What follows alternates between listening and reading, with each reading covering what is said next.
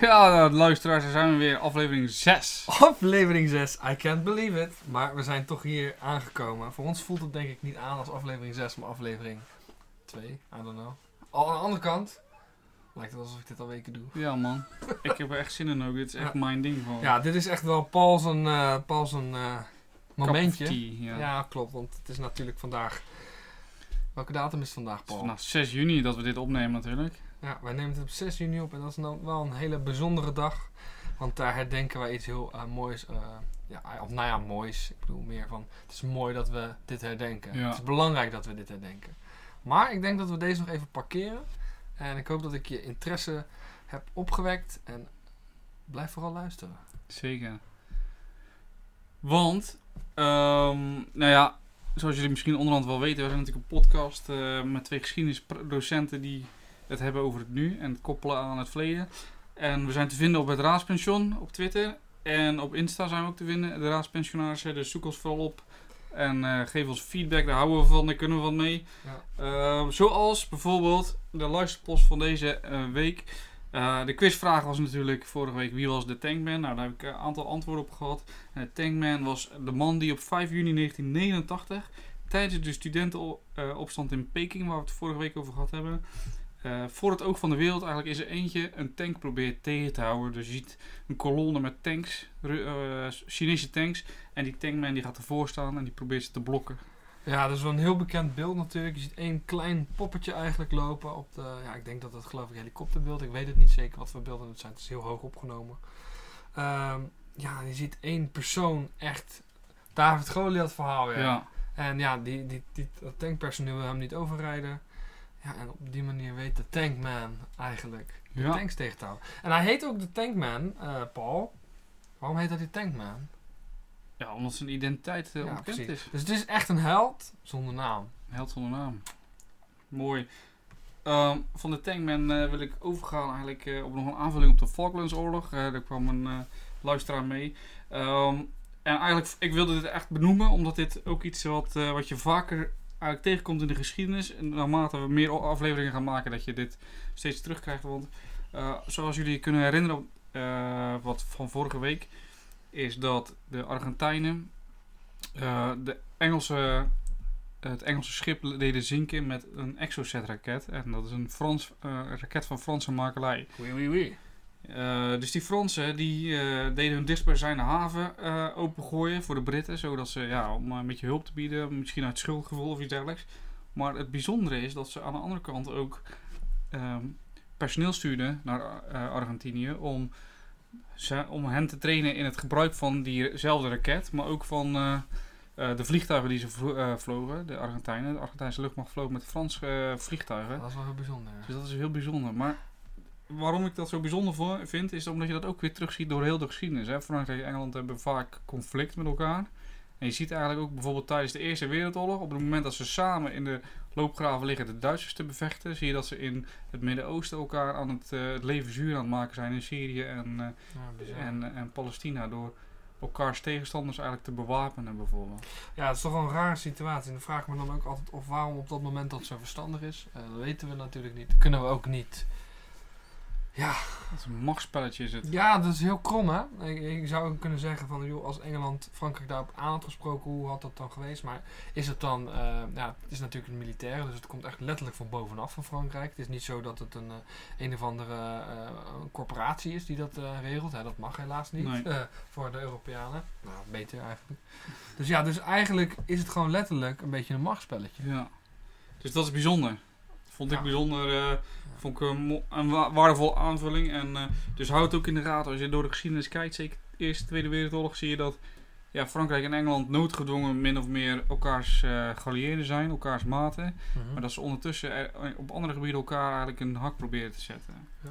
Ehm, Hetzelfde met eigenlijk wel een zekere zin, wel een andere zin. Amerika, Rusland en eh, ook de geallieerden in de Tweede Wereldoorlog samenwerken. En eigenlijk hun ideologieën opzij zetten. Maar in principe zijn ze achter de schermen nog wel allemaal ja, tegen elkaar aan Ja. het eh, plotten. precies. En dat levert nog eens een, een zeer koude oorlog op. Een soort Game of Thrones. Ja, Maar dan anders. ja goed. eh, als we over Game of Thrones hebben, dan hebben we het vaak over vaak Schotse accenten. Schotland. Ja. Wat was er in het nieuws? Ehm, Schotland die wil onafhankelijk worden. Of althans is een petitie gestart. Ja, Om petitie. eh, onafhankelijk te worden. Nou ja, goed. Ik heb daar ook wel iets over gelezen. Ik vind dat een, eh, ja, het is een bijzonder initiatief. Eh, omdat ze wel in de EU willen blijven. ja, dat is de achterliggende gedachte. Hè. Ze willen in Ja. de EU blijven. En echter vragen, vraagt men zich af of, eh, ja, of de rest het wel, of de Verenigde dat wat toelaat. Ja, dus men zegt van niet. Anderzijds is het wel een heel, snel, heel eh, solidair teken dat Schotland eigenlijk voor de EU is. En dat vind ik eigenlijk wel, wel gaaf. Dat ze toch intern ook zeggen, jongens, dit is niet wat wij willen. En dat daar ook rekening mee gehouden wordt. Ik hoop ja, voor de Schotten dat daar rekening mee gehouden wordt. Ja, ik denk dat eh, William Wallace hier eh, behoorlijk blij van zou worden. Ja, dat denk ik ook. Freedom. Alright, wat voor data hebben wij deze week nog meer? Dat is 10 tot en met 17 juni ongeveer. Ehm, de eerste, en dat is wel een van de, ja, vind ik persoonlijk een heel gaaf, Ja. gave, gave data. 10 juni 1916, dan zitten we natuurlijk midden in de allereerste wereldoorlog eh, van de 20ste eeuw. En dat is eentje die Paul en ik zelf eh, samen zeer bijzonder vinden. Is de Arabische opstand Ja, ja, die is aangespoord door eh, de Britse officier, eh, Lawrence, T.E. Lawrence. Wordt ook Lawrence of Arabia genoemd. Nou, daar Ehm, die ken je wel natuurlijk van een aantal films en Ja. verhalen. Ja, het verhaal is dus eh, als volgt. Hè. De, de Ottomanen, voor, de, ja, voor degenen die wat minder van de geschi- geschiedenis weten. De Ottomanen hebben een groot rijk in, eh, in deze tijd. Die bestrekt eh, ja, Noord-Afrika, een groot deel van het Midden-Oosten. Ja, en ook een deel van Europa. Ja. Laten we dat niet vergeten. Hè. Die zitten natuurlijk in wat we nu Turkije noemen. En ja, die hebben natuurlijk Constantinopel ooit eh, v- 500 jaar ervoor, eh, iets meer zelfs, 600 jaar, ervoor, bijna 600 jaar voor eh, onder de voet gelopen. En die hebben daar Istanbul van gemaakt. Ja, En ja, die hebben ehm, ja, heel veel soorten volkeren, heel veel eh, verschillende geloven in hun rijk zitten. Eh, echter gaat het niet zo heel erg goed met het Ottomaanse Rijk. En ja, de, de, het Ottomaanse Rijk had zich aangesloten bij de, bij de, de, de Duitsers. ja, En ja, zodoende wilden eigenlijk de Engelsen en ook de Fransen wel een, een bondgenoot hebben. ja. En meneer Lawrence, ja, die, die, die ziet daar wel mogelijkheid. En die, ja, die zorgde eigenlijk voor dat... Ja, was hij dat, Lawrence trouwens, Paul? Ik weet niet zeker of ik het goed heb. Was hij degene, volgens mij was hij niet degene die die, die keuze maakte, maar volgens mij waren dat eh McMahon. Ehm, Nee, eh McMahon en zijn Franse tegenpool die hebben het Midden-Oosten opgedeeld. ja, precies. En dan was er Sykes-Picot. Ja, Dat verdrag, die hadden... Uh, was van de Balfour-declaratie. precies, Ja. de Balfour-declaratie. Sykes-Picot hebben dus, dat waren Britse en Franse diplomaten, die hebben het Midden-Oosten opgedeeld. Maar ja, om dat te bereiken moesten ze natuurlijk eerst het Ottomaanse Rijk verslaan. En daarvoor was dus die T. Lawrence ingezet. Die was, ja, hij was zo begaan met het Arabische volk. En hij had als, eigenlijk als doel, of had meegekregen van de Britten, joh, zorg dat die Arabieren zeg maar, in opstand komen tegen de, de, de Turkse eh, overheerser. En dan krijgen de Arabieren hun eigen rijk, want ze hebben natuurlijk grote rijken gehad Ja. in het verleden. En het mooie is dat ze dus letterlijk vragen of om de Arabieren, ja, islamieten, die aan een ander islami- islamitisch volk vragen om een jihad te starten. Ja, Dus dat is wel heel bijzonder. En ze beloven natuurlijk een stuk grond ook. En uiteindelijk ja, komt daar niks van terecht, helaas. ja. een van de redenen, ook Sykes-Picot trouwens, voor de, voor de onrust in het Midden-Oosten nu. Ja, nog steeds. Nog steeds. Dus dan zie je dat, eh, ja, de, de opmerking dat de geschiedenis eh, is verleden tijd en daar hebben we niks meer mee te maken, dat gaat gewoon niet op. Nee, klopt. En dat is een van de ja, wel bekendste, maar ook weer onbekendere conflicten eigenlijk van de afgelopen eeuw. Ja. Dus, maar in eh, 10 juni 1916 dus eh, is die Arabische opstand er tegen de Ottomaanse overheerser, aangespoord door die Britse officier T. Lawrence. Lawrence komt er later achter, die was niet op de hoogte van Sykes-Picot, die komt er later achter, tenminste dat is het verhaal. Je weet het natuurlijk nooit officieel, maar eh, ja, hij, hij komt er later achter en is eh, eigenlijk heel erg verbolgen over, zijn, eh, over het verraad van zijn eigen land. Ja. Dus die, ja, die, hij assimi- assimileert zich in de Arabische maatschappij. Oké. En wordt Dat ook ja, Lawrence of Arabia, daarom wordt hij ook Lawrence of Arabia genoemd. Ja, kortom, hè, dat is dus eigenlijk fascinerend onderdeel Heel de geschiedenis. Ik voel weer een special. Hebben we volgens mij al eerder over gehad. Ja, we hebben... Deze, ja, de- ja, deze ja. situ- ja, dat, eh, dat ligt heel nauw samen met de situatie tussen de Palestijnen eh, en, de, en de Joden eigenlijk. Ik denk dat eh, we daar ook wel iets moois over kunnen vertellen. Ja, zeker. Goed. Nou, dan gaan we door. Eh, 13 juni 1996, dat is ook een bijzondere datum, dat is nog niet zo heel erg lang geleden. is dat België als laatste land in West-Europa de doodstraf eigenlijk afschaft. En dat is eigenlijk wel heel bijzonder. In 96, hè? 96 jaar. Dus dat is eigenlijk echt extreem eh, bijzonder als je kijkt naar wanneer andere landen dit al hebben afgeschaft. Nou ja, eh, Nederland bijvoorbeeld. De laatste was, weet je het Paul? Eh, eind 18e eeuw. Ja, nou, eh, 1860. Ja, En, oh, eh, mi- mi- midden 18e eeuw. ja, ja, 19e 1860. eeuw is dat Ja. Nou, de, de naam is ook bekend van die persoon. Dat is eh, Johannes Nathan. En die schijnt dus zijn schoonmoeder te hebben vermoord eh, te Maastricht. Waarom is dat per se slecht? Nou, misschien was het wel een hele lieve schoonmoeder. Ja, dat is waar. Maar goed, ehm, Mag niet volgens de wet. Eh, Dat betekent niet dat de doodstraf eigenlijk in Nederland voorbij was. Want die mocht in oorlogstijd zeker nog toegepast worden. Het interessante daarvan is, is dat in 1939 was er nog een debat in eh, de Tweede Kamer over de herinvoering van de doodstraf tegen landverraders. Oké. Nou, en toen vielen de Duitsers in. En toen was dat debat eh, stopgezegd. En toen is er zelfs nog in de Grebbeberg in 1940 is er een eh, Nederlandse sergeant, Chris Meijer, is geëxecuteerd wegens desertie. Ja. Dus hij is proberen te vluchten. eh, en ja, hij is dus eigenlijk vermoord. En ook nog een andere soldaat. Dus dat is wel bijzonder. Hè? Ze Ja. zijn al bezig eigenlijk deze de doodstraf eigenlijk stop te zetten. En toch, terwijl oorlogstijd is, er natuurlijk Nou ja, nog de regels Wat bestaan. je ziet op de Grebbeberg natuurlijk is op een gegeven moment... ehm, ja, ik weet niet of je bekend met, bent met, met het terrein daar. Een beetje, ja. Maar als je zeg maar, naar beneden komt, eh, naar het westen toe, dus je hebt in het oosten kwamen de Duitsers vandaan. Ja. ja die Grebbeberg werd compleet overlopen, we hebben het alles over gehad, hè, hoe Ja. dat eh, in, in stand zat.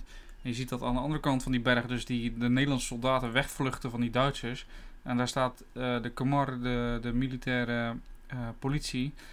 En die, begint, die, die opent het vuur op degene die naar beneden komen rennen. Ja. Dus ja, dat is gewoon bizar dat dat Ja, gebeurd is. Bijzonder inderdaad. Een bijzondere situatie inderdaad. eigenlijk.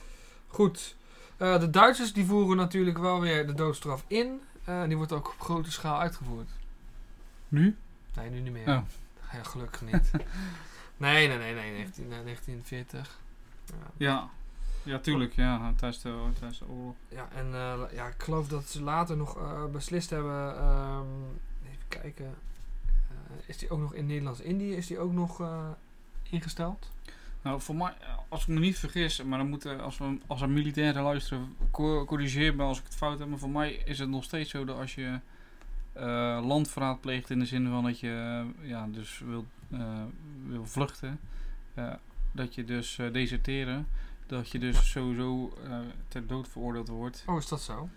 Ja, dan moet je, ja, Volgens mij, ja, ik kan me dat niet voorstellen. nou, misschien dat Volgens mij heel- moeten ze niet een proces krijgen. Oh, moeten ze Ja. niet een proces krijgen dan? Ja, dat zal ongetwijfeld. Ja. Maar, eh, ja, ja, ik weet het niet. Ik weet dat de, de Amerikanen het eigenlijk ook hadden tijdens de Eerste Wereldoorlog nog. Ehm, maar ja, ze konden manschappen konden ze vaak niet missen. Dus dan deze eh, of ontslaan of ze deze, eh, hoe zeg het, niet promoveren, maar dat tegenoverstellen. Nou ja, in ieder geval een rang naar beneden. Zodat ze in ieder geval nog aan het leger konden dienen. Ehm, maar ja, het blijft, ja, het, leger, het leger is natuurlijk, heeft net weer andere regels daarin als, eh, als er, eh, civiele, de, de nucubus. Nou, ja, ik zou zeggen, ben je militair? Laat het ons weten. Ja. Super interessant. Kortom, de doodstraf is dus eigenlijk sinds 1870 in Nederland afgeschaft met uitzondering van het oorlogsrecht. En eigenlijk in 1983 is dus bij de grondwet ook bepaald dat de doodstraf niet kan worden opgelegd. Dus ik denk eigenlijk dat we daar ook onze vraag wel een beetje zelf beantwoorden. ja, precies. Ehm, want voor zowel misdrijven als vredestijd eh, mag je dat niet meer toepassen. Maar wie weet zijn er wel omstandigheden waarin men dat wel mag doen. Misschien mag je het vuur openen wanneer een van jouw eh, ja, maten in het leger ja. vuur op jou opent. Ja, dat lijkt me logisch. Ja. Misschien wel. aardig. Voor verdediging, nou goed. Weet je, eh, wat leuk is trouwens, we hadden het over 6 juni. Mhm. Ik ben natuurlijk vijf jaar getrouwd vandaag. Ja, dat is super episch. Gefeliciteerd. Dankjewel. Eh, ik wil eigenlijk een hele rotopmerking maken, maar ik weet dat je vrouw ook, eh, ook luistert. Dus, zo van, eh, ja, gecondoleerd. ja, ja, ja. Maar het is de tweede keer dat ik getrouwd ben. Ik ben al een keer gescheiden. Maar er is iemand die nog veel meer kan getrouwd is. Zo, dat is wel een Wat goede... een epische brug, hè? Jij hebt mij nu, jongen. Oh, meestal ben ik degene met de brugjes. Je zag zag- hem niet aankomen. Ik zag hem niet aankomen. Mijn god. Nou, dan hebben we het natuurlijk over Hendrik de Achtste van Engeland. Oh, die is echt moet even bijkomen van hem. Hey, Oh, Bridge builder of niet, hè? Nou, dat was echt wel een mooie. Dat is goed. Nou, eh, Hendrik de Achtste staat bekend als eh, eh, de koning van Engeland die zijn eigen eh Angliaanse kerk sticht. Omdat hij eigenlijk wil scheiden van zijn vrouw. ja. En uiteindelijk lukt hem dat ook. En hij denkt, hij heeft de smaak te pakken. En uiteindelijk scheidt hij nog een paar keer van zijn vrouw. Maar op eh, 11 juni 1509 trouwt dus Hendrik VIII van Engeland met Catharina van Aragon. En dat is eigenlijk een dochter van de katholiek, een van de katholieke koningen. Het was, eh, dat was wel de eerste keer dat hij eh, in het huwelijksbootje stapte. Maar, zoals we weten, niet de laatste keer. Nee, totaal zes keer. Dat doe ik hem nu nog niet na, zeg maar. Ook niet- dat hoop eigen religie stichten om te scheiden. Dat maar dat is vind me ik nog niet eigenlijk wel een, dat vind ik nog wel een mooi idee, inderdaad. Ja, misschien... nou ja, ik ben vijf getrouwd. Laten we hopen dat het nog lang blijft. Maar misschien zal- moet ik eens een eigen religie starten als ik wil, weer wil scheiden. Nou ja, dat komt, weet je, komt vast wel goed. je kan ook altijd nog eh, een hogere macht vragen of eh, hij of zij een beetje een, een, een, een interventie kan brengen. Ja, Of mediteren daarover. ja, zoals een boeddhistische monnik. Een boeddhistische monnik. Nou, hij, Doet- hij, hij doet het toch nog. hè? ja, hij was... nou, was een beetje, nou, maar ja, ik kan jou niet toppen vandaag. Nee, nee. 11 juni 1963 eh, is een datum waarbij de boeddhistische monnik... jeetje, hoe ga ik dit uitspreken? Ik zit hier echt al heel Teach te Kwang Duk. Teach Kwang Duk. Eh, de boeddhistische monnik... Ah, kut. Teach Kwang Duk. Dat vind ik een goeie. Die eh, steekt zichzelf in de brand, dus dat is eigenlijk niet zo grappig, eh, natuurlijk. Waarom is het altijd wanneer mensen in de brand vliegen dat wij moeten lachen? Dat was de vorige keer keer ook. ook, ja. Nee, het komt door een naam, denk ik. Omdat we... Maar ik, niet door de naam, maar Nee. hoe wij het uitspreken. ja, precies. De naam is gewoon goed. Maar goed, Het is een boe- boeddhistische monnik in Zuid-Vietnam. Ehm, en in die periode, nou ja, we weten allemaal de Vietnamoorlog natuurlijk. En we weten ook dat het zuiden heel erg corrupt was. En we zien dat de leider in, in Zuid-Vietnam vaak tegen de boeddhisten zijn. En eh, dat eigenlijk die boeddhisten dat geloof willen afschaffen. En die boeddhistische monnik die, ste- monnik, die steekt zichzelf dus in de brand als eh, een protest.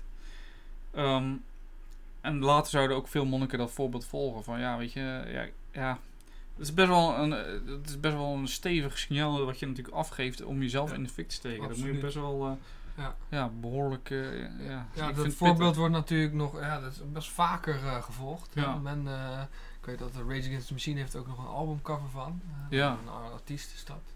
En ja, dat heeft altijd wel indruk op me gemaakt. Ja, ik vind het ook altijd heftig dat je dus zo eh, het gevoel hebt dat je dus zo erg onderdrukt wordt eigenlijk. Of dat je zo erg dus, eh, dat je dit moet doen, Ja. zeg maar. Dat Wat is mooi is, denk ik, ja, die, dat, dat die boeddhistische monniken ook heel veel doen, is nadenken. Ja, En ze denk, ik denk, denk dat je dan gewoon op een moment denkt van, joh, ik wil dat er mensen zijn die bedenken, die zien mij en die denken, hoe kan het zover komen dat jij dit doet? En dan gaat men zich misschien wel een beetje eh, bekijken hoe de situatie in bijvoorbeeld Zuid-Vietnam was. En Ja. misschien wel een interventie plegen. Ik denk ook wel dat het geholpen heeft, eerlijk gezegd. Want het legt, eh, legt wel aandacht ook op het, eh, in het Westen. Want ja, iedereen die heeft dit gezien. ja precies. En eh, Amerika was natuurlijk behoorlijk, ja, niet behoorlijk, maar dat was, eigenlijk was Zuid-Vietnam gewoon een, een poppenstaat van Amerika. Dus die hadden daar ook behoorlijk commentaar op natuurlijk. Van ja, weet je, stop die, het sluiten van de, van de boeddhistische ehm, tempels, stop daarmee. Weet je, doe normaal, zeg maar. Anders stoppen wij met onze, onze steun. Dus dat is best wel, eh, dat is best wel pittig. Ehm, ja, een beetje moeilijk om dan eh, nu over te gaan eh, zomaar. Ja, zo'n bruggetje Ja, inderdaad. Nou, dan moeten we dat maar gewoon doen. 15 juni namelijk, 1961. Eh, de DDR-leider, dus de, de leider van Oost-Duitsland, Walter Ulbricht, verklaart... Niemand is van plan een muur te bouwen. Ja, dat is een bijzondere. En dat vind ik ook wel een mooie brug naar eh, jouw afgelopen weekend, eerlijk gezegd. Ja. Oh ja, ja, ja, dat klopt. Ik ben afgelopen weekend in Berlijn geweest. Ja. Ehm, ja, wat, Berlijn, eh, ik heb er een vlog van gemaakt op Paulus Historicus. Mocht je daar... eh, Ja, mocht je, ja, mocht je willen zien eh, wat ik daar heb gedaan, kan je dat bekijken. Ik ben ook nog van plan om er een filmpje van te maken. Maar Berlijn is een, natuurlijk een stad die echt zwaar geleden heeft in de Koude Oorlog. Er is opgedeeld in eerste instantie in vier, later natuurlijk in tweeën toen de geallieerde zones bij elkaar kwamen. Ehm, door de muur. Ja. Die gebouwd wordt in augustus 61. Nou, 15 juni 61, datzelfde jaar dus, zeg maar 15 dagen daarvoor. eh, zegt de leider van Oost-Duitsland, degene dus die de muur bouwen. Er is niemand van plan om een muur te bouwen. Ja, Dus dat is best eh, bijzonder. Ja, en natuurlijk is eh, de, de muur is best bekend. Mocht je niet weten waar we het over hebben. het gaat dus over de Berlijnse muur. Het is een muur letterlijk die oost en westen scheidt. Ja, En letterlijk het verschil tussen kapitalistisch Duitsland en communistisch Duitsland. precies. En eh, wat ik merkte zeg maar, toen ik in Berlijn was. eh, ik ben natuurlijk naar eh geëikte dingen geweest zoals Checkpoint Charlie, eh de Brandenburger Tor. Ik heb een stukje Berlijnse muur aangeraakt. Dat was echt een bijzonder gevoel ook. Dat ik een stukje geschiedenis aan kon raken. Maar wat me opviel was eigenlijk dat die Berlijners, die Duitsers, echt zoiets hadden van het is ons aangedaan, zeg maar. Oké. En dat is eigenlijk als je dan... Ik kon nergens echt iets terugvinden van de Tweede Wereldoorlog. Weet je? Het was wel van na de Tweede Wereldoorlog we opgedeeld.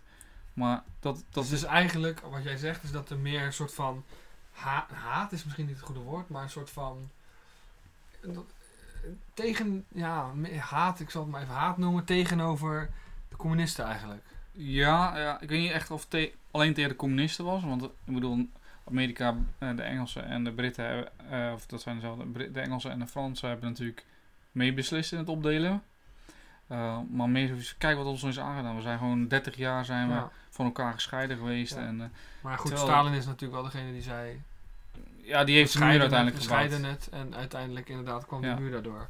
Ja, maar de- ja, dat vond ik, eh, vond ik bijzonder. Bijzonder om dat, mee- om dat eigenlijk mee te maken, mee te krijgen. Dat ik dacht van ja, voor mij vergeten jullie een klein stukje van, eh, Ja. ja. Maar aan de andere kant is dat misschien juist wel goed. Want op, ja, weet je, ze vergeten natuurlijk niet waarom dat is. Nee, ik denk het niet. Maar ik denk dat het wel heel confronterend is om te kijken naar die kant van de geschiedenis. En dan bedoel ik natuurlijk eh, Hitler Ja. en eh, zijn eh nazi-partij. Ja, dat is misschien wel. Maar kijk, we moeten er niet moeilijk over doen. Hè? Ik bedoel, ik heb genoeg. Ik neem je aan, jij ook. We hebben genoeg documentaires en weet ik het wat gezien om te weten ja. dat me- het is gewoon hersenspoeling wat er Mhm. gebeurd is. Klopt. Vroeger had ik wel zoiets van stomme moffen, maar tegenwoordig heb ik dat gevoel eigenlijk helemaal niet meer. Ik kan me ook niet, ja, misschien nog sommige mensen wel die zich niet goed hebben ingelezen, maar ik kan me dat niet zo goed voorstellen. Dus ik kon ook, ik vind ook niet dat je dat dan zo moet wegcijferen van kijk eens wat ons is aangedaan Ja. en eigenlijk dan bijna niet die Tweede Wereldoorlog benoemen. Ik bedoel, het is wel pittig wat er gebeurd is en eigenlijk wilden ze dat, de galeerden wilden dat opnieuw vo- eh, voorkomen. Ja. Ja, of het nou goed is om dan dat het op deze manier op te lossen, weet ik natuurlijk niet. Maar het komt wel ergens vandaan. hè. En Ja. dat, dat, dat wordt, dat gevoel, ik had heel erg het gevoel, en misschien klopt het niet hoor. Misschien heb ik niet de goede museums bezocht, dat kan natuurlijk ook. Maar dat dat even vergeten eh, Ja. werd. En ehm, ik ben ook bij het Holocaust eh, monument geweest, dus daar hebben ze dan ook wel. Ja. Ehm, dus dat, eh, dat dan weer wel. Maar ik, ja, dat, dat is wel het gevoel dat mij overheerste toen ik al de, weet je, Checkpoint Charlie, de Berlijnse muur. Ik had het museum bij Checkpoint Charlie ben ik geweest. Ja, toen ik dat allemaal, ja, dat gevoel had ik wel, weet je wel. Snap ik. Dus, ehm, ja, dat eigenlijk. Goed. Ja, ik denk dat we maar door moeten gaan. Ja. ja deze is gewoon meer een eh, feitje. In, eh, 16, op 16 juni 1911 wordt eh, IBM opgericht. Technologiebedrijf. Nog, bestaat nog steeds. Voor mij maakt zij ook de eerste computers. Echt super grote computers die hele campussen en hoe noem je dat, loodsen in beslag namen. Ja, wat wij nu, eh, waar wij nu opnemen, zeg maar, dat is echt een eh, walhalla, denk ik, in vergelijking met wat ze toen maakten. Dus, eh, maar ja, ik vond persoonlijk vond ik het een leuk feitje om te weten dat in 1911 dus het IBM al werd, werd opgericht. Ehm, ja, was de, zouden we de volgende niet een quizvraag doen? Was dat niet een quizvraag? Of ga je dat doen? Nee, nee, eh? nee, deze doe Nee, nee, nee. Oh, nee, Deze- nee, nee, Deze, niet- deze kan nog wel. Hij loopt een beetje uit qua, qua data. Maar goed, we nemen hem nog even mee. En dat is natuurlijk 17 juni 1629. Al een tijdje geleden. Ja. Eh, ja, dan hebben we het over, natuurlijk over Nederlands luitenant-admiraal en commandant van de West-Indische Compagnie, Piet Hein. Piet Hein, nou, misschien wel bekend van een mooi liedje, Paul eh Hit It. Serieus, jij kent hem niet? Nee, ik ken hem hij kende hem gewoon niet. Oké, ik zal hem één keer voordoen. Piet Hein, Piet Hein, Piet Hein, zijn naam is klein. Oké, nou mooi. Laten we hopen dat dat het enige was wat klein is. Verder eh, is dit de data 17 juni 1629 dat Piet Hein, Piet Hein sneuvelt in een gevecht met kapers. Ja. En eh, nou ja, mooi weetje. eh, Piet Hein zelf Is geboren 1577 in Rotterdam-Delfshaven. En het leuke is, is dat ik daar ook vandaan kom. Dat vond ik wel een leuk weetje. Ik denk, hé, hey, Pietje die eh, komt eh, waar ik eh, ook woon. Ik denk, hé, Ja. misschien heeft hij hier wel gelopen. Of, Doe je ook slaven? nee, dat doe ik. Nee, oh, nou ja, nee. kom op, man. Maar ik, ja, ik vind dat bijzonder, dat is want wel, Delfshaven is ja, best wel klein. En het is een heel oud haventje eh, bij Rotterdam. Het is inmiddels een deel van Rotterdam. Ehm, ja, ik vind dat gewoon fascinerend. Want eh, Delfshaven heeft best wel een, een mooie grote geschiedenis. Ook de founding fathers eh, van eh, de United States of America. Die zijn daar natuurlijk van, vandaan vertrokken naar de nieuwe wereld. Ja, Manhattan. Ja, het is bijzonder man. Ik vind het super. Ja, de- die kerk die in Delfshaven staat. Als je een keer in Rotterdam bent, ga dan vooral daar naar kijken. Er is een hele drukke winkelstraat, de Schiedamse weg. En als je dan op een gegeven moment naar links kijkt, als je de lage erfbrug over bent, dan sta je gewoon ineens in het verleden. Dat is prachtig. Echt waar.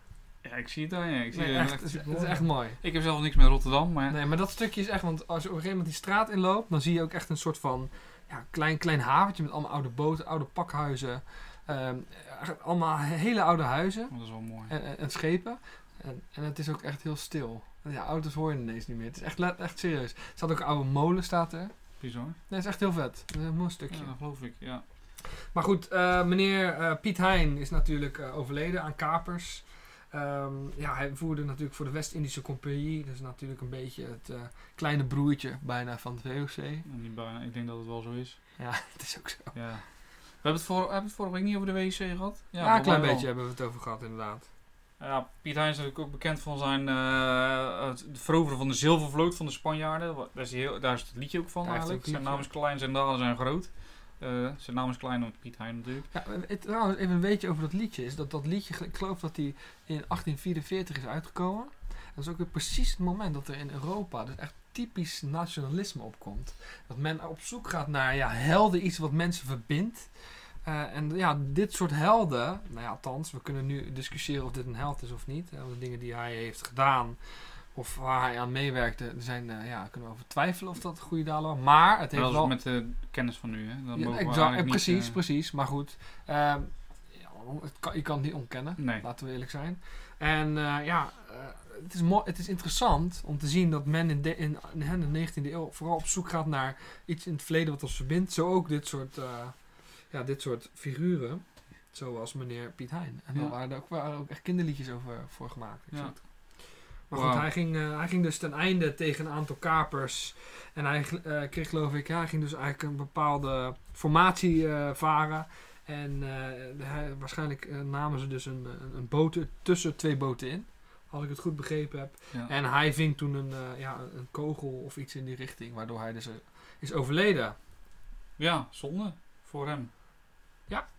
Ja, is vervelend. ja, nou, als we dan toch over kogels vangen hebben, Ja, dan... eh, dit is wel een mooie, eh, hè, een mooie link. Paul die is vandaag op dreef. Ja. Ook zijn dag vandaag. Hij- is vandaag dus ook vijf jaar, vijf jaar, hè? Vijf jaar, ja. getrouwd. Trouwd. Dus ehm, ja, Het grappige is dat ik dus eh, vijf jaar geleden trouwde. En toen was het 70 jaar geleden. Ja. En nu 75 jaar geleden. Dus ik ben op eh, jubileum op eh, jubileum is het eigenlijk. Want, nou ja, als je het nu niet, nog niet wist, dan, eh, dan, ja, dan ja, dan, niks van kijk, we verwachten Dat klein, stiekem een klein beetje wel als je hier naar Ja, luistert. een dat beetje je een klein beetje voorkennis hebt. Of in ieder geval je ogen open Aan de andere kant, als je het niet weet, hey, Dan willen we je eh, heel graag wat leren. Ja, zeker. hey, die day dus. Ja, Want eh, dat is dus 75 jaar geleden. Eh, en eh, wat er nu volgt is natuurlijk de D-Day Special. ja, dit is, stukje D-Day Special. Het, is wel, het wordt wel, ja, ik heb wel geprobeerd het eh, wat beperkt te houden, maar ook wel probeer, geprobeerd wat Ja. feitjes te vinden die niet algemeen bekend zijn. Want ja. want ja, iedereen kent het geëikte beeld van Amerikanen die strand oprennen en neergemaaid worden. Ja, ik kijk hier ook naar uit. eh, ik, eh, ik weet natuurlijk wel waar het over gaat. Eh, alleen ik ben, zoals al jullie al misschien een beetje weten, niet echt een, eh, een, een oorlogsliefhebber in eh, die zin. Eh, Paul die vindt het heel fascinerend. Dat zie ik. Hij zit te stuiteren nu als een kleuter. Dus Dus, zegt achter je uitwerk gepraat. ja, dus eh, ja, ik ben ook heel benieuwd. Eh, en ja, ik kijk ook heel erg naar uit wat je ons te vertellen hebt. Ja, nou kijk, ik zal even uitleggen waar die fascinatie met je vandaan komt. Toen ik op de middelbare school zat, ja, geschiedenis was niet mijn vak. Ehm, maar toen kwam, in de derde kwam daar een meneer, ik ben zijn naam vergeten, sorry meneer, weet ik veel meer hoe hij heet. Maar hij liet mij de film eh, Saving Private Ryan zien. Nou, zoals je weet gaat dat natuurlijk, eh, de, start is eh, de landing op D-Day, de, Op de, op, op Normandië.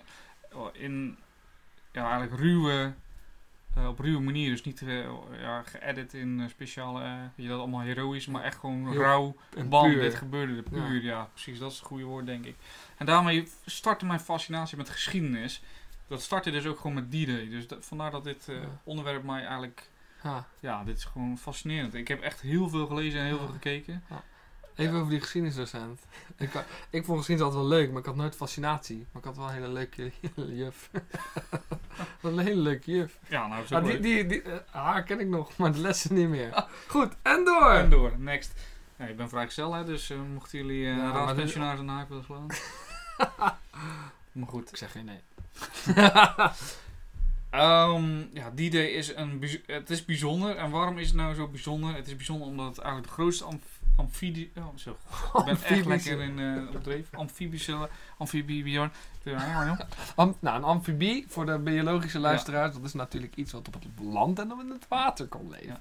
En dus in de geschiedenis is het nog nooit geprobeerd om via zee op een land te komen. God, ik kan even niet... op- Ik, Maar- Nou ja, goed voor de beeldvorming. Het is dus eigenlijk een, een actie waarin men dus vanaf het water eigenlijk... Ja, ik zeg het goed. Kijkt me Ja? een beetje ja, Ik naar het land het verzinnen. Ja, hij zit Amfibische- echt- Amfibische... Amfibische, ja, amfi- amfibische. Je zegt het Amfibische, goed. Ja. Ja. Amfibische... eh Jezus, hoe Woord kan- van de moeilijk dag. is het? Dit is wel echt een dingetje. Elke week Ja. moeten we wel Elke week heb ik een woord waar ik niet Amfibische landing, de grootste amfibische landing in de geschiedenis. En waarschijnlijk zal het ook niet meer voorkomen dat er zo'n grote landing eh, komt. Omdat we tegenwoordig met andere technologieën zeg maar, aan land kunnen komen. Het zou een beetje knullig zijn als we het nu deden. Ja. ehm, en het is natuurlijk ja, veel. eh, het wordt nu wel wat genuanceerd. Maar eh, in eerste instantie, heel lang is het zeg maar het idee geweest dat dat de bevrijding van Europa teweeg heeft gebracht. Ehm, natuurlijk moeten we dat nu tegenwoordig nuanceren, omdat de Russen al flink bezig waren de Duitsers te verslaan. Het is een heel eh, westcentrisch eh, Ja. beeld. Precies.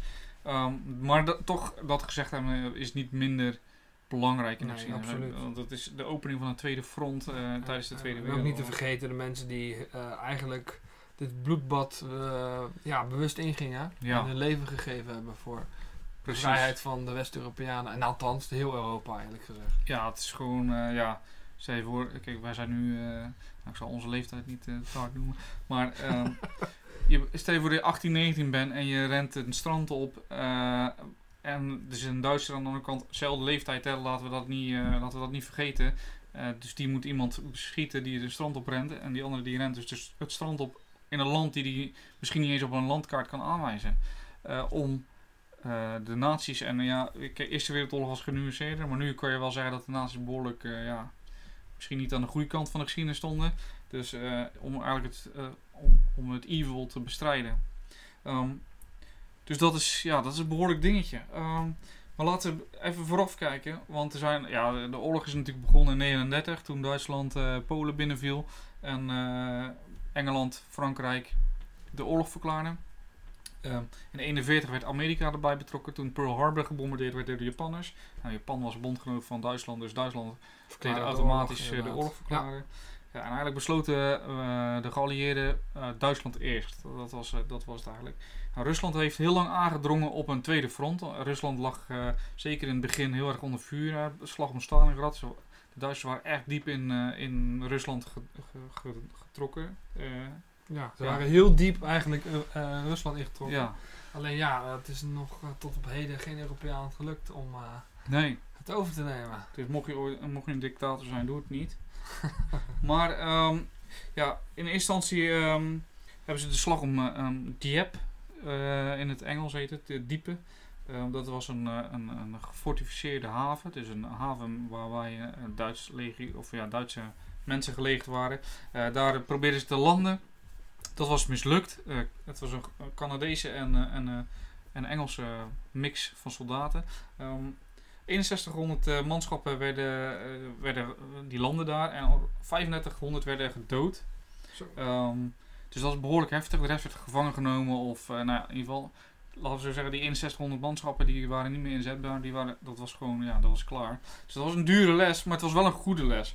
Ehm, ten eerste probeerden ze daarmee de Russen een beetje tevreden te houden. Dat ze toch probeerden een tweede front te openen. Maar eh, ten tweede ehm, zagen ze eigenlijk wat, wat was er nou nodig voor een succesvolle amf- amfibische landing. Yes. Ja.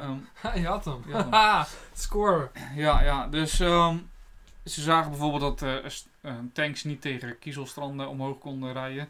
eh, wat in eh, diepe dus wel het geval was. Eh, en ze hadden een beetje door van oké, een ver- verstevigde een, een, een havenstad waarbij een leger, waar een leger zit, dat is gewoon niet te doen. Dat moeten we niet meer doen. Dus dat waren een aantal dure, het was een dure les, maar het was wel een goede les. Ehm, dus wat deden ze? Ze gingen plannen om een, eh, ja, een daadwerkelijk echt groot opgezette eh, landing te maken. Eh, generaal Eisenhower, die, ehm, dat was vanuit eh, Amerika, was dat het bevelhebber van, eh, van, eigenlijk alles. Eh, onder Eisenhower stond ook Montgomery, dat was de Engelse, een Engelse collega. Montgomery had eh, Asperger, dus die was niet, eh, wat ja, je ziet van mensen met Asperger vaak eh, heel slim zijn, maar weinig empathie. Dus, eh, eh, dus Eisenhower eh, er had veel moeite om met hem, zeg maar. Ja, Eisenhower was veel meer diplomatisch dan, eh, dan Montgomery. Hoewel Ja. Montgomery qua tactiek echt eh, super was. Mhm. Ehm, ze hebben heel veel disinformatie gestuurd naar de, naar de Duitsers. Dus eh denken daarbij aan dat ze een heel een nepleger hebben gebouwd. En we hebben het vorige week hebben we het gehad over eh, generaal Patton, die eh, Ja. PTSS-mensen. In elkaar timmerde. ja. Van de lul. Maar aan de andere kant heeft hij wel een belangrijk ding gedaan. ja, daarna wel. Maar voor straf was hij dus een commandant van het nepleger geworden. Oké. Nou, dan moet je je voorstellen dat ze gewoon opblaasbare tanks en opblaasbare vliegtuigen gewoon neerzetten. Ja. Die ze tegenover het nauw van Calais ehm, Ja. lieten staan. ja, want dan konden de Duitsers natuurlijk zien dat daar een leger gestationeerd was. precies. Dat is wel mooi, hè? Er zijn ook af- eh, foto's van deze uh, opblaasting. Die zien er echt heel erg goed uit. Filmpjes ook. Ja, het ziet er echt goed uit. Ja, dat is echt bizar. Eh, en dat was dus ook een onderdeel om die Duitsers te misleiden. Want de Duitsers dachten van, het kan, ze kunnen maar op twee plekken landen. En dat klopt ook. Eh, en dat kon alleen in het nauw van Calais of op Normandië. Eh, en dat had te maken met het, het bereik van de, van de ge- geallieerde jachtvliegtuigen. Dus die, konden, ja, die twee gebieden konden ze goed bestrijken en de rest niet, zeg maar. Maar de Duitsers waren ervan overtuigd, ook door, die, eh, door dat nepleger dat er stond, Calais werd. dat het Calais werd. Ehm, daardoor had ook de, de. Ja, daar ga ik met je voor. Maar goed, laat ik eerst vertellen waarom Norma- Normandië. Normandië, brede stranden. eh, je kan er goed landen. Nou ja, die geall- geallieerde eh, jagers die konden dat dus ook bereiken. Ehm, nou, omdat ze wisten dat de Duitsers Calais verwachten, dachten ze we gaan precies doen wat ze niet denken. Wat logisch is natuurlijk. Eh, en ze gingen in eh, Normandië landen. Nou, ze hebben ook bijvoorbeeld eh, radioberichten hebben ze daarbij gebruikt. Dat dus een heel leger dus radioberichten aan het versturen was wat dus niet bestond. Een niet bestaand leger. Dus dat is ook dat is echt hoe ze dat hebben aangepakt is gewoon Bizar. bizar. Dat was de Ghost Army was dat geloof ik. Ja, precies. Ehm, Er is ook weinig over bekend geweest hè. Pas veel later is dat naar buiten gekomen. ja, Ja, ik denk ook dat ze die tactiek misschien ooit nog wilden gebruiken. Alleen ja, techniek heeft heel snel ingehaald. ja. ja. Dus dat is echt eh, ja, dat is bizar. In eh, januari 43 is trouwens besloten tijdens de conferentie van Casablanca om eh, die day echt te gaan doen. Het heette toen nog Operation Roundup en werd toen vernoemd naar Overlord. Ehm, Noord-Afrika was overigens al door de geallieerden, zeg maar, daar waren ze al aan het vechten en werden ze al bevrijd. Ehm, maar eigenlijk door die, door die misleiding van informatie was dus onder de, de Duitse commandanten, een daarvan was eh, de Desert Fox, ehm, Rommel. Ja. Die, eh, en eh, en een andere generaal die had een beetje ruzie van ja, weet je, we moeten, Rommel vond, we moeten de tanks zo dicht mogelijk bij de kust zetten. Want op het moment dat ze zeg maar, aan land komen, moeten we ze gelijk terugdrijven. En hij wilde ze dus ook bij Normandië zetten. Nou, een andere generaal die zei nee, eh, ze komen bij Calais niet doen. Uiteindelijk heeft eh, Hitler een, eh, een compromis gesloten en gezegd oké, eh, jij krijgt een stukje tankdivisie. Uh, het waren echt elite tanks, hè? echt uh, super goede tanks. Panzers. ja, panzers. Met veteranen van de, van het Oostfront. Ja, die wisten Dus ook hoe die dingen echt werkten. battle hardened ja, troops. Veteranen. Ja, dus die werden gezet bij de. Die kreeg Rommel kreeg een, dus een gedeelte en die andere generaal kreeg een gedeelte. Um, en uiteindelijk heeft Hitler dus besloten om het grootste gedeelte stond onder zijn bevel. Dus die mocht alleen gebruikt worden als Hitler het bevel gaf. Het mag, zeg maar. En dat is ook een van de dingen geweest waardoor die day dus is gelukt. Omdat um, ja, op het moment dat ze landen, waren ze er niet van overtuigd dat het echt in Normandië. Weet je, dus ze dachten dat Normandië een, een, een een eh, nepaanval. Als Ja, een, een dat, juist dat dat de afleidingsaanval. af, af- afleiding was. Ja. En dat Calais juist de hoofdaanval was. Precies. Too bad for them. Ja, want dat was dus niet zo. Want eh, op die day zelf werd in eerste instantie eh, in de nacht worden luchtlandingstroepen eh, gedropt van de Britten en de, en de Amerikanen. Britten landen vrij, vrij goed. Die hadden weinig weerstand, ook met luchtafweergeschut. Amerikanen hadden wat minder geluk, waren ook onervaren piloten. Dus die smeten eigenlijk die, die ehm, parachutisten, die, die smeten ze helemaal door elkaar, her en der door elkaar heen. Het was echt één grote chaos. Maar die chaos was eigenlijk ook dat voordeel daarvan was dat de Duitsers het dus ook niet begrepen. Die dachten, wat, wat zijn ze aan het doen, joh? Dus ehm, ja, ze waren dus ook nog niet echt overtuigd van dit is de aanval. Eh, ze waren ook niet van, ja, weet je, we gaan ook niet ten tegenaanval zetten, want wat zijn ze aan het doen? Het is zo chaotisch.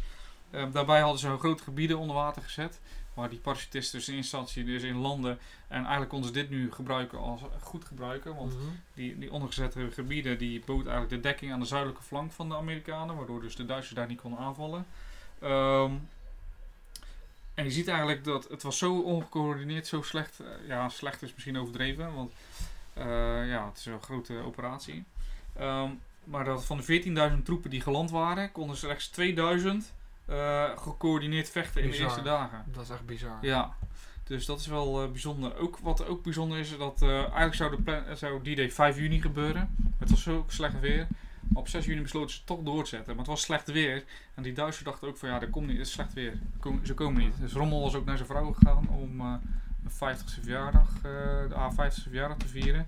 Ja, die moesten eh, natuurlijk hals over kop terug. Want ja, er was een invasie aan de hand. Ja, precies. Nou, dat is eigenlijk wel ook een beetje geluk bij ongeluk. Want ja, hij heeft natuurlijk de laatste, het laatste woord. Ja, dus er, waren heel veel, er zijn heel veel elementen eigenlijk in die dag.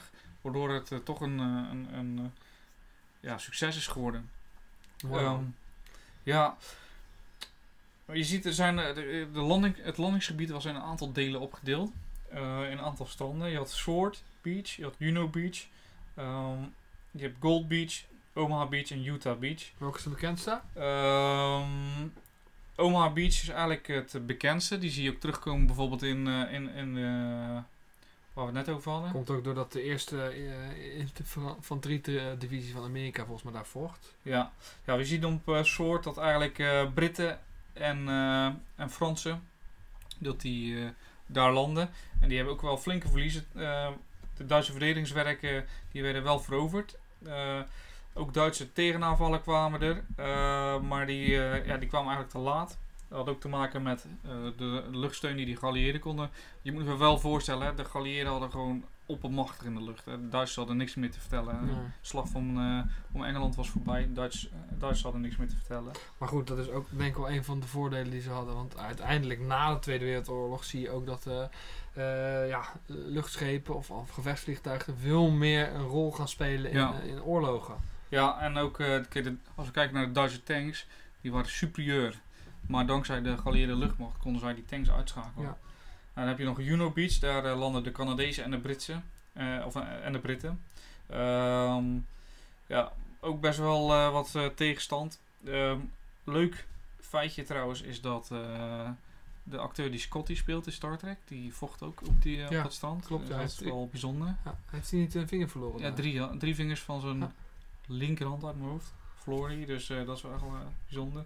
Ehm, de eerste aanvalsgolf leed 50% verlies, dus dat is, eh, dat is Oeh. ook het hoogste percentage van alle stranden. Heel hoog. Dus eh, met, ja, bijzondere, met uitzondering van Omaha Beach trouwens. Ja. Ook heel bijzonder. Ja. Wat wel ook bijzonder is, is dat de, deze eenheden, de Canadezen en de Britten, waren de enige die aan het eind van de dag hun doel hadden bereikt.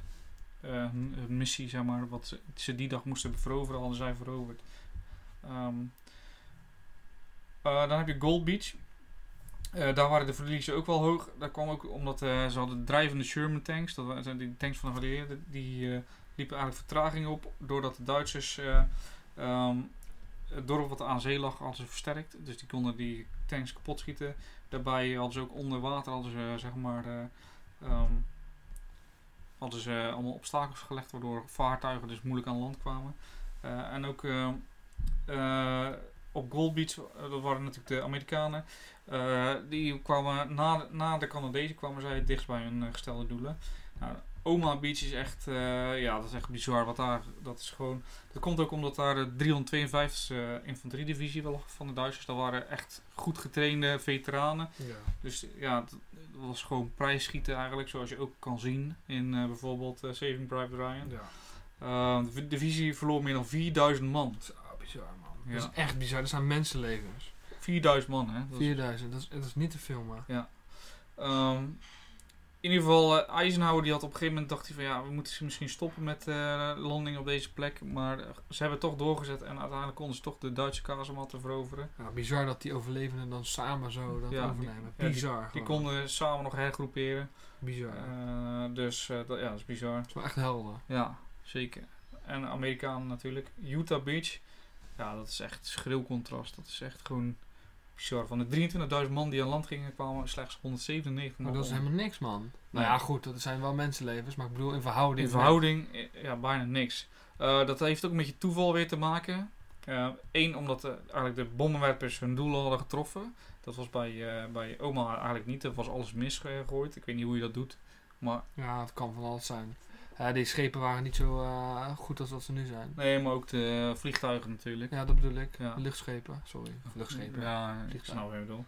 Ehm, maar ook de, de landingsplaats waar ze eigenlijk moesten landen was één kilometer verder naar het noorden. En daar stonden veel, meer, veel betere verdedigingswerken en bunkers. Maar ze waren afgedreven eh, en dus een kilometer zuidelijker geland. eh, Waar het dus minder goed verdedigd was. Dus dat was eigenlijk een soort geluk. Ja. Dan heb je natuurlijk nog Point du Hoc. Ehm, ik weet niet of het heel bekend is. Ik kijk jou even aan. Point du Hoc is eigenlijk een eh, soort rotsgebied wat tussen Omaha en Utah in ligt. Eh, de, de Special Forces van de Amerikanen, de Rangers, die eh, moesten die, die rotsen beklimmen om dat geschut uit te schakelen. Omdat dat geschut kon eh, zeg maar, bij de stranden eh, beschieten. Maar die Duitsers die hadden eigenlijk die, dat geschut al verplaatst. Dus het was eigenlijk een beetje nutteloos. Ah, balen. Ja, maar, ja zeker omdat ze ook 50% verliezen hadden. Die, Ja, maar eh, dat is, dat is risico eigenlijk. ja. Dus ja, dat is eigenlijk hoe eh, zeg maar de eerste minuten van, eh, of de eerste eh, tijd van die day Ja. eh, is gegaan. Hey, hebben de Nederlanders daar nog een rol bij gespeeld? Nou, het is leuk dat je dat vraagt. Ehm, want dat, dat wordt wel eens over, eh, over het hoofd ge- gezien. Ehm, ja, het is wel bescheiden, zeg maar. Maar ja, dat is ook zijn logisch. altijd toch? Altijd zijn we bescheiden bij Nederlanders. Maar er zijn twee kanoneerboten. En als je ooit een keer eh, op Google eh, tijd over hebt, zoek deze op. De Terrible Twins hadden ze als bijnaam. De Flores en de Suma waren kanoneerboten. Die hebben echt roem eh, vergaard voor de Nederlanders tijdens de Tweede Wereldoorlog. Het verhaal is dat er bijvoorbeeld een keer een Tiger tank stond op de kust. En die beschoot één zo'n schip. Van eh, zo'n Nederlands schip. Eh, en de kapitein die kwam om. Eh, en vervolgens waren ze, die Nederlanders zo gebrand op, op wraak dat ze met super, was super gevaarlijk. Als je een Tiger tank op de kant hebt staan, dat ze vlak bij de kant gingen en alsnog die, die, die tank kapot schoten. Dus daarbij ehm, waren ook zeg maar, de Nederlandse, hoe zeg je dat?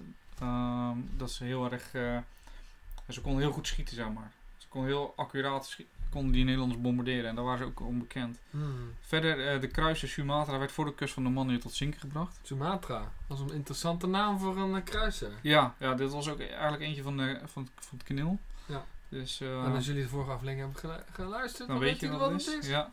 Dus die werd daar neer eigenlijk als golfbreker. voor de kunstmatige havens die later werden aangelegd.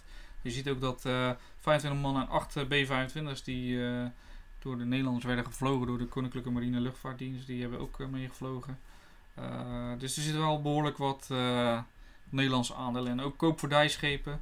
Ook eh, de Prinses Irene Brigade is opgericht eh, in die tijd. En die, eh, die bevrijdde het plaatsje Point eh Pont Oudemer. Ik weet niet of ik het goed uitspreek, ik ben niet Geen heel idee. Frans. Maar ja, kortom, dus eigenlijk kunnen we ook wel een beetje trots zijn op eh, Nederlandse veteranen slash soldaten die Ja. ook een leven gegeven hebben voor de good fight. Zeker, ja, ja, ja.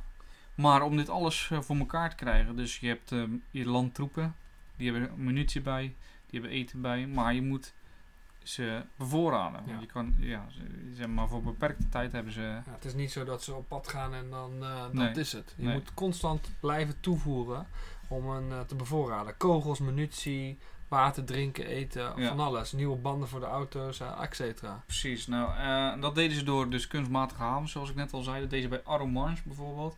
Had je de Mulberry havens. Nou, Mulberry is een codenaam voor waar eh, ze gemaakt zijn. Het zijn grote betonnen pontons, die werden er in, het, in de zee gezakt. met daaraan ijzeren constructies die met eb en vloed mee konden bewegen. Het is echt super indrukwekkend als je ziet wat voor logistiek gebeuren dat was. Eh, ze zijn wel eh, in het begin vrij, eh, voor mij een week beschadigd geweest na een storm. Waardoor ja, even nijpend was voor de Amerikanen of voor de geallieerde troepen. Munitie en, en brandstof en eten. Ehm, maar gelukkig waren ze daarna hersteld. Ze hebben ook veel airdrops gedaan.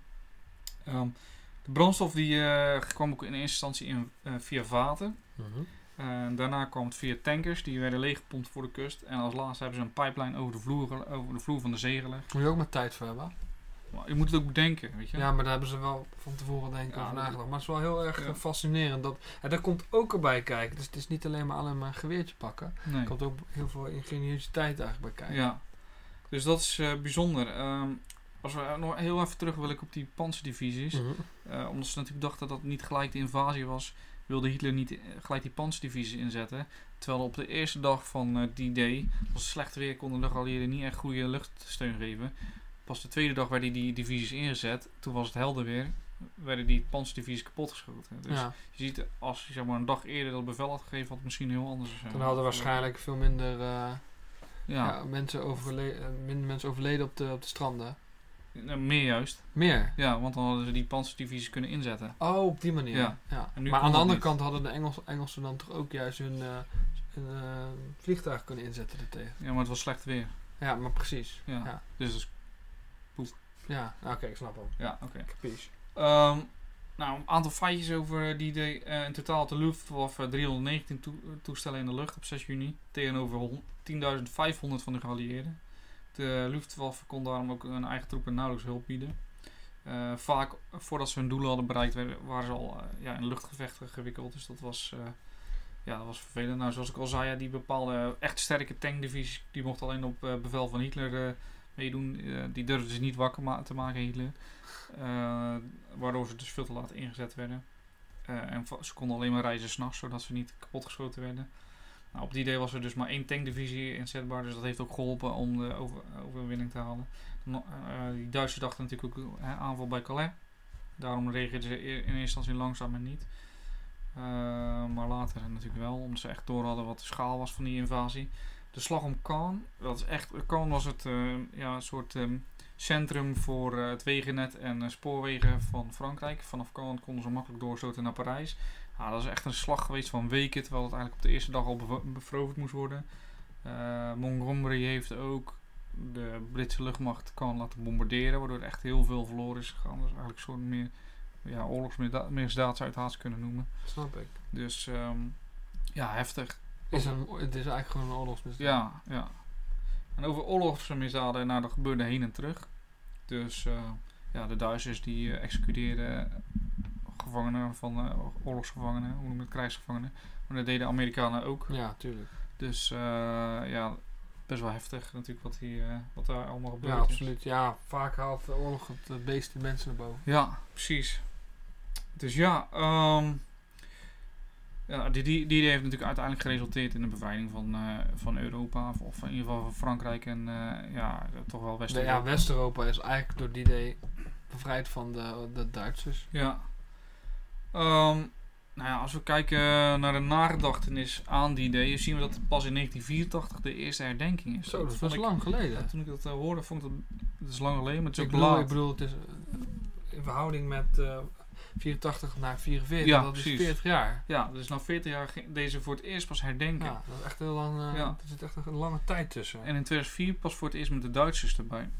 Te- Mede. Ja, dat meen ik, ja. Dat had ik niet gedacht. Dus daarvoor was het alleen eh, Amerikanen, Fransen en Britten. Dat is ook niet met, eh, de, met eh, West-Duitsland. Nee, Dat is bijzonder. in 2004 voor het eerst. 2004? Ja, Dat is niks, man. nee, dat is Dat het is niet. niet helemaal niet lang Dat is, geleden. dat is veer- 15 jaar geleden. Dus dat is pittig. Nou, dat is echt dus eigenlijk geschiedenis nu. Ja. Bijzonder, man. Ehm, wat bijzonder is ook dat er veel PTSS was natuurlijk onder. Of nou, dat is niet bijzonder, dat is logisch. Maar dat het- Post-traumatic stress disorder. Ja, waar we het vorige week ook over hebben gehad. Maar dat het bij de Duitsers veel minder was. En ze hebben het idee dat dat te maken heeft met de militarisatie die voor de Eerste Wereldoorlog heeft, of voor de Tweede Wereldoorlog heeft plaatsgevonden. Hè. Duitsers waren natuurlijk heel erg op eh, militair vechten, eh, die waren daar echt een beetje op voorbereid. En dat waren de Amerikanen veel minder. Die zijn er gewoon min of meer ingegooid. Ze zijn wel opgeleid, maar de, ja, die Duitsers hadden vanaf kinds af aan al geleerd dat het militair mooi is en Ja, sterven zijn voor je land. Ze zijn gewoon geïndoctrineerd in principe. Precies. Dus dat eh, zijn wel bijzondere dingen. Ehm, ik heb een, eh, in een, documentaire een stukje gezien over een SS'er die eh, gevangen werd genomen. In eerste instantie wilden de Amerikanen die vermoorden. Want SS'ers waren gewild doelwit eigenlijk om te vermoorden. Maar dat is gelukkig voor hem niet gebeurd. Dat had te maken dat er nog gevechten om hen heen waren. Dus dat is wel eh, bijzonder. Dus ja, dat is eh, een beetje in een notendop eigenlijk die idee. Die idee is, ja, het is veel uitgebreider dan dit natuurlijk. We zitten al heel aan te praten, maar het is veel Ja, vooral jij. Ja, vooral ik. Nou ja, dat is, dat is oké. Ja, het is jouw, eh, jouw stukje. Ja, kortom, het is geen mooi onderwerp, maar wel een super interessant onderwerp. Ja, En het spreekt ook tot, tot heel veel, eh, ja, tot men, heel veel tot de verbeelding Ja. eigenlijk. Ja. Het is ook wel eigenlijk, ja, het is eigenlijk wel aan de ene kant, jonge jongens die vinden het heel stoer, maar anderzijds ja, heeft, heeft, zijn er heel erg veel verschrikkelijke dingen hier Ja. gebeurd. ja, en eh, ja, jonge jongens die natuurlijk ook huilen om hun moeder. Ja.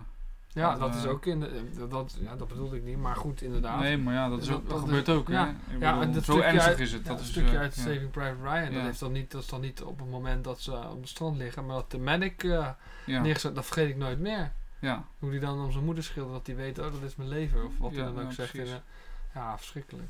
ja, oorlog is verschrikkelijk. Ja, Ik bedoel, het is goed dat we het herdenken. En eh, hopelijk gebeurt het niet meer. ja. Maar goed, daar durf ik mijn hand niet voor in het vuur te steken. Absoluut. Het is belangrijk dat we altijd een, eh, nieuwe route vinden. Sorry. Nieuwe route naar vrede. Ja, En waar klopt. we ook een nieuwe route voor hebben gevonden. Dat is wat je wilde doen, zeker? Ja, precies. Ja. een route naar onze nieuwe quizvraag. Ja. Nou, de quizvraag voor volgende week is dan ook: welke Nederlandse ontdekkingsreiziger wilde net als Columbus via zee een weg naar Indië vinden, maar kwam daar nooit aan? Goeie quizvraag. Goed. Ik ben benieuwd. Ja. Hey, als laatste nog, ik wil het toch even benoemen nog. Ik heb Anne Frank gekeken, de Roast of Anne Frank. Oh, waar we het vorige week over hadden. Ja. Ik, heb, ik heb ook twee afleveringen van The Roast gezien, maar dat ging over Lincoln, Abraham Lincoln en over Freddie Mercury. Nou, die waren op zich wel oké. Ja, ik heb de Roast van Anne Frank. Ik, in eerste instantie, ja, misschien omdat wij Nederlanders zijn, verwachten echt keiharde Grappen. grappen. Maar het viel echt mee. Het was eigenlijk meer de Roast of Hitler. Ja, dat Dus in dat opzicht, het was wel heel politiek correct. Dus eh, in eerste instantie dacht ik, wat moet ik hiervan vinden? Eh, het viel me een beetje tegen in die zin dat ik echt verwachtte van, nou, dat wordt echt keihard. Ja, die, die van Abraham Lincoln ook. Ik dacht, joh, er komen wel leuke dingen. het is eigenlijk een beetje, het is een beetje truttig. Truttig, ja. Dat Het is, is ook echt heel truttig. Het is dus safe to watch. Als je, Ja, het is heel safe to watch. Ja. Nou, tot nu toe degene die ik heb gezien Ja. dan. Ehm, ja, heb ik nieuwe dingen daarvan geleerd? Niet echt. Nee, ik ook niet. Dus Ik vond het aan de andere kant, het was wel een mooie hommage aan Anne Frank. op zich, nou, dat kan me voor. Ik ga hem ook nog wel kijken dan. Dat verwacht ik dus niet. Maar, maar weet je, over het algemeen vond ik het een, zeer truttige, truttig programma. Precies. Goed. Ja, nou dan... eh jeetje, zitten er alweer op. Het is, eh, we hebben een uur geluld. Ja, jij hebt een uur geluld. Ja, jij hebt ook. Ik heb ook wel een beetje geluld. Ja. Goed. Maar goed, mooi, mooi onderwerp denk ik. Eh, belangrijk onderwerp. En ik hoop dat we volgende week jullie weer een mooi onderwerp kunnen bieden. Ja. eh, tot volgende week. Tot volgende week.